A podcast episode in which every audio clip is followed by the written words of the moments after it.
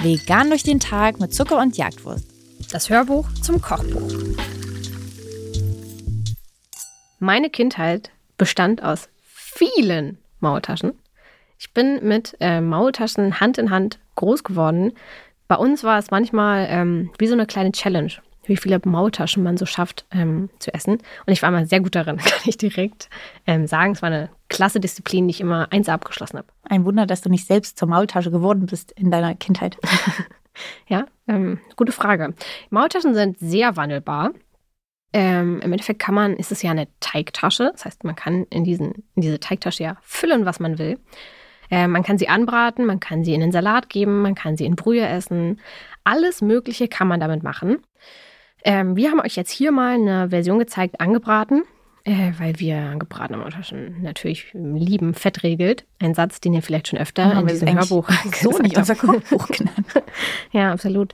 Ähm, und wir haben in die Füllung äh, Spinat und Kartoffeln gegeben. Kartoffeln kennt ihr vielleicht auch schon aus diesem Kochbuch. Es wiederholt sich alles. Aber auch ein bisschen Gemüse. Also wir haben auch nicht nur eine Kartoffelfüllung gemacht, denn für den Look ist natürlich auch ein bisschen schön, wenn da was Kleines, Grünes rausguckt. Kleiner Funfact, ihr erkennt auch, dass es Isas Rezept ist, weil in meiner Füllung wäre bestimmt Mandelmus gewesen. Absolut richtig. Ähm, naja. Aber genau, ihr könnt ähm, auf jeden Fall diese Maultaschen ähm, variieren, wenn ihr wollt. Ihr könnt die natürlich auch ähm, in Brühe essen. Wir kochen die ja eh ab, bevor wir sie anbraten. Und auch in meiner Familie wurde das so gemacht, dass am ersten Tag Maultaschen in der Brühe gegessen werden. Und am nächsten Tag werden die Maultaschen dann angebraten und mit Kartoffelsalat zum Beispiel serviert. Also Carbs mit Carbs, klar, das ist ein absoluter Klassiker. Bei uns wurde dann immer noch mal ein ähm, Feldsalat dazu serviert. Deswegen ähm, haben wir das auch hier so gemacht, dass wir noch einen kleinen Salat dazu serviert haben mit einem Honig-Senf-Dressing. Ähm, ihr wundert euch vielleicht, was ähm, Honig ist doch gar nicht vegan. Hier gibt es verschiedene Varianten, was ihr machen könnt. Also ihr könnt ähm, inzwischen ja tatsächlich richtig veganen Honig im Supermarkt kaufen, zumindest hier in Berlin. Und auch online findet man da einige Marken, die vegan Honig herstellen, zum Beispiel aus Gänseblümchen oder aus Löwenzahn. Da gibt es ein paar verschiedene Alternativen. Wenn ihr die nicht findet, dann könnt ihr aber auch einfach Ahornsirup oder Agavendicksaft nehmen. Oder ihr macht einfach euer eigenes Salatdressing. Das ist natürlich auch total fein.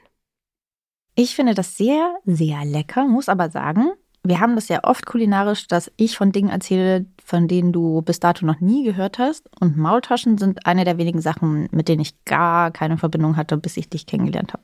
Ja, ist ein richtiges Westgericht. Ja, also es ist auf jeden Fall toll, wie dich das geprägt hat. Aber umso trauriger bin ich fast, dass ich erst jetzt in diesen Genuss gekommen bin. Und ich finde wirklich, dass man kann ja auch mittlerweile vegane Maultaschen kaufen. Aber so selbstgemacht, das finde ich, macht schon wirklich einen dollen Unterschied. Das braucht Mhm. ja leider auch seine Zeit, aber ich finde, die waren, ähm, das ist ja auch oft so mit Tortellini, anderen gefüllten ähm, Nudeln oder Teigtaschen. Die sind ganz oft, finde ich, schmeckt man die Füllung gar nicht wirklich heraus. Mhm. So, das ist dann oft irgendwie schmeckt alles ziemlich gleich. Also ich finde vor allem bei Tortellini oder so, da stehen andere Füllungen drauf. Ich finde, die schmecken oft alle wie eins. Und das finde ich ist der Vorteil daran, wenn man das selber macht. Ich finde, die Füllung schmeckt viel, viel intensiver. Deswegen würde sich wahrscheinlich dieser Aufwand lohnen. Ja, aber man muss sich auf jeden Fall Zeit dafür nehmen. Das ist schon eher ein Rezept, was man mal am Wochenende macht, als unter der Woche nach der Arbeit oder nach der Uni. Wir haben jetzt hier auch kleine Maultaschen gemacht. Ähm, in meiner Familie traditionell zum Beispiel sind Maultaschen riesig. Die sind geführt wie so ein, äh, wie so ein A5-Blatt groß. Also die sind wirklich sehr groß. Meine Oma macht immer sehr große Maultaschen. Das hier sind jetzt eher ähm, kleine Maultaschen. Guckt euch auch gern nochmal YouTube-Videos davon an wie man Maultaschen ähm, richtig faltet. Wir haben euch das hier erklärt, aber wenn ihr zum Beispiel zum allerersten Mal Maultaschen macht, ähm, dann ist es wirklich nicht schlecht, wenn man da mal eine kleine Anleitung zu bekommt oder ein paar Bilder zu sieht. Ähm, aber das ist wirklich, wenn man das einmal gesehen hat und einmal das Konzept verstanden hat, dann rafft man das.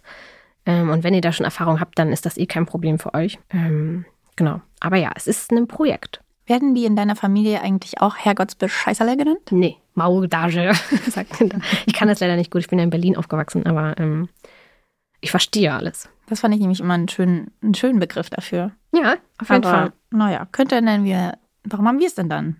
Wir hätten es auch so Vegane benennen können. Herrgottsbescheißerle.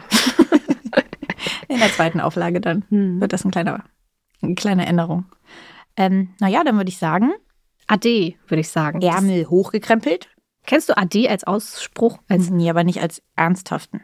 Also ich kenne niemanden, der das sagt, ohne Meine dabei Oma zu lachen. sagt, ähm, wenn sie sich verabschieden würde jetzt zu dieser ähm, Hörbuchfolge, würde sie sagen Ade. Dann enden wir so. Ade. Ade.